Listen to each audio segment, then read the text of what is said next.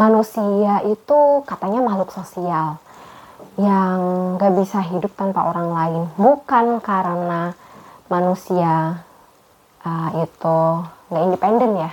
Tapi karena pada dasarnya kita memang diciptakan sejak dulu kala gitu ya ditakdirkan untuk saling bergantung satu sama lain. Gak akan bisa kita uh, masak gitu ya. Kalau nggak ada yang jualan bahan masakan nggak ada yang menanam uh, sayuran nggak ada yang uh, mendistribusikan makanan makanan-makanan kue-kue favorit kita gitu ya. Nggak ada yang bikin tepung nggak ada yang bikin uh, apa mengemas gula or something and so on gitu ya. Jadi uh, kita memang ditakdirkan untuk hidup beriringan satu sama lain. Dan ternyata bukan ternyata lagi sih teman tok dari perjalanan aku melihat gitu ya dan dari kembali lagi kebutuhan uh, diriku sendiri sebagai manusia ya terhubung dengan orang lain itu punya kekuatan yang luar biasa bikin uh, kita bisa um, lebih mudah menjalani mungkin yang kita sebut sebagai healing. Dan di di chapter uh, dua chapter terakhir buku What Happened to You ini dia ngebahas soal relasi di masa sekarang gitu ya. Um, beruntungnya kita yang sebagai orang Indonesia ya dan tinggal di Indonesia sebenarnya um, ada sisi beruntungnya walaupun mungkin akhir-akhir ini agak menyebalkan gitu ya kalau terlalu intens terlibat dengan oh, interaksi dengan orang lain. Tapi ternyata hidup di Indonesia tuh bikin kita uh, cukup mudah untuk terhubung dengan orang baru maupun orang lama dalam artian keluarga, sanak keluarga gitu ya ataupun teman-teman lama kita untuk kemudian kita bisa ya semacam apa reunian gitu ya reminiscing the good old days atau mungkin kita tahu nih siapa 911 kita yang bisa kita telepon kapan aja kita butuh walaupun cuma random kirim chat misalnya cuma nyapa doang tanpa perlu kita cerita panjang lebar um, itu adalah sebuah anugerah gitu karena ternyata memang manusia diciptakan untuk uh, bisa terhubung dengan orang lain gitu. Kenapa gitu ya? Kenapa kalau dari buku itu gitu ya diceritakan bahwa um, dengan kita berelasi dengan orang lain gitu ya, kita belajar untuk sama-sama saling mendengarkan, kita belajar untuk saling memahami. Um, mungkin yang memang jadi PR gitu ya uh, sedikit kekurangan. Aku nyebutnya sedikit karena menurutku uh, dengan kita berelasi atau terhubung dengan orang lain impactnya uh, uh, luar biasa sebenarnya. Tapi memang kadangkala uh, mungkin bikin jadi batasan kita secara personal um, agak kurang gitu ya.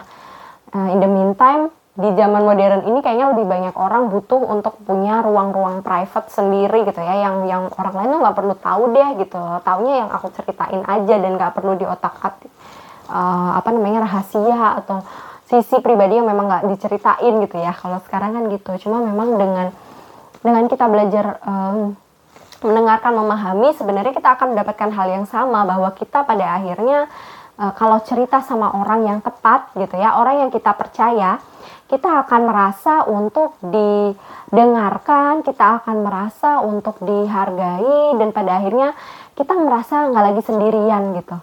Dan itu adalah ya powerful uh, relationship itu bisa bikin kita healing gitu.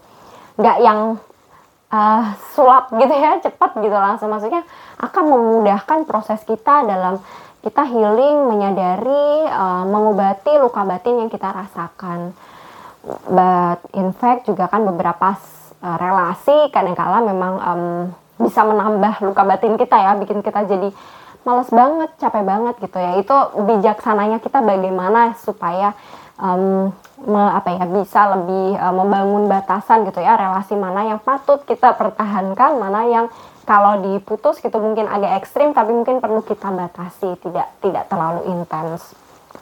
Karena dari bab di yang aku baca di buku sebelumnya gitu uh, untuk uh, pada akhirnya aku menemukan sebuah buku yang ngebahas juga tentang uh, relasi. Pasti teman-teman um, ada beberapa yang familiar ya kalau aku nyebut judulnya. Um, yaitu adalah Conversations on Love by Natasha Lan. Tada ini kalau kalau lihat di YouTube bisa langsung lihat nih uh, aku menunjukkan covernya seperti apa. Jadi ini pada dasarnya baru banget aku baca belum selesai seperti biasa gitu ya. Uh, mau mengawali aja uh, gambarannya gitu. Karena apa ya sebenarnya ngomongin relasi ngomongin cinta itu kan hal-hal yang hmm, nggak bosen-bosen deh gitu ya. Baca buku novel juga kalau lagi otak lagi panas sih kalau di aku pribadi ya kayak uh, ya udahlah yang yang jelas-jelas aja ngomongin cinta yang maksudnya kita mikir ya itu itu aja gitu ya nggak ada nggak ada bedanya. Tapi ya tetap aja kan ringan lucu untuk dipahami lucu untuk dibaca gitu. Walaupun kadang-kadang um, situasi cinta percintaan diri sendiri ini ya uh, nggak selucu itu atau lucu tapi diketawain sambil nangis. Kayak lumayan pakai canda. Jadi kayak untuk di um, a glimpse of the book I still on reading right now. Itu ngebahas tentang relasi dan um, di dalam buku ini ngebahas ada beberapa fase relasi yang sebenarnya mungkin nanti akan apa ya jadi pemantik lagi untuk ngebahas di podcast selanjutnya hunus gitu tentang relasi. Uh, di awal sebenarnya untuk part one itu uh, uh, apa ya Natasha Lan ini uh, membahas tentang bagaimana sih kita bisa jatuh cinta atau membangun cinta dengan lebih sehat. Uh, something yang menarik gitu ya dan kenapa bikin aku uh, langsung ah, baca deh buku ini karena memang pada dasarnya lagi-lagi nih konsepnya ma ma macam percakapan gitu jadi um, uh, Natasha Lan um, dalam prosesnya karena dia adalah seorang jurnalis uh, ketemu sama orang wawancara orang gitu ya dan kali ini yang dia tanyakan perihal isu tentang cinta gitu. Jadi di dalamnya nggak cuma Natasha Lan yang cerita, tapi uh, ada beberapa orang gitu, banyak orang yang menceritakan pengalaman pribadinya sendiri gitu ya tentang bagaimana mereka pada akhirnya memandang cinta. Satu highlight yang um, menurutku itu sebuah reminder ya dan hits so hard on me, at least for me gitu ya, um, bahwa cinta itu biasanya kita terlalu menyempitkannya sebatas relasi dengan pasangan. Ya dengan partner kita gitu. Yang mana yang bikin di bayangan cinta tuh kan yang bikin berdebar-debar atau bahkan yang ekstrim bikin patah hati sampai nangis-nangis gitu. Tapi uh, Natasha lah mengajak kita untuk melihat broader perspektif tentang love yang itu tidak hanya tentang pasangan tapi juga tentang keluarga dan juga teman gitu. Dan dan apa ya um, such a good reminder ketika uh, di dalam buku itu Natasha juga menyampaikan bahwa kita tuh sering kali menganaktirikan gitu ya. Ini bahasaku sendiri ya teman tok dia nggak ngomong gitu. Cuma uh, kurang lebih kita sering kali nomor sekiankan uh, relasi kita dengan keluarga maupun teman kita sendiri. Padahal disadari atau tidak disadari kita tuh kalau sama sama temen, sama keluarga, sama pasangan itu kan menampilkan sisi kita yang beda-beda ya dan seringnya lebih belak-belakan kalau ngobrol sama temen.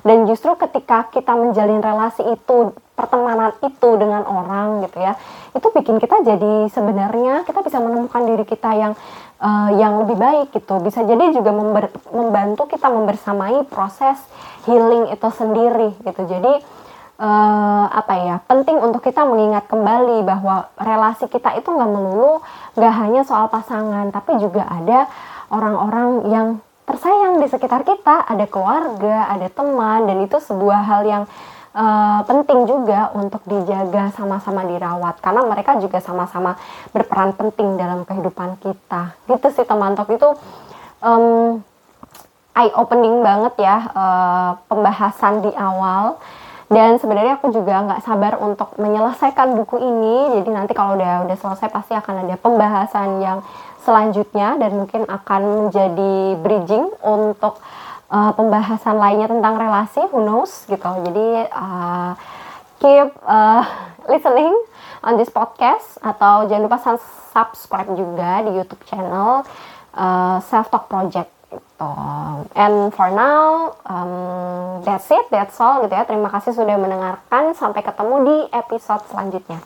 Bye bye.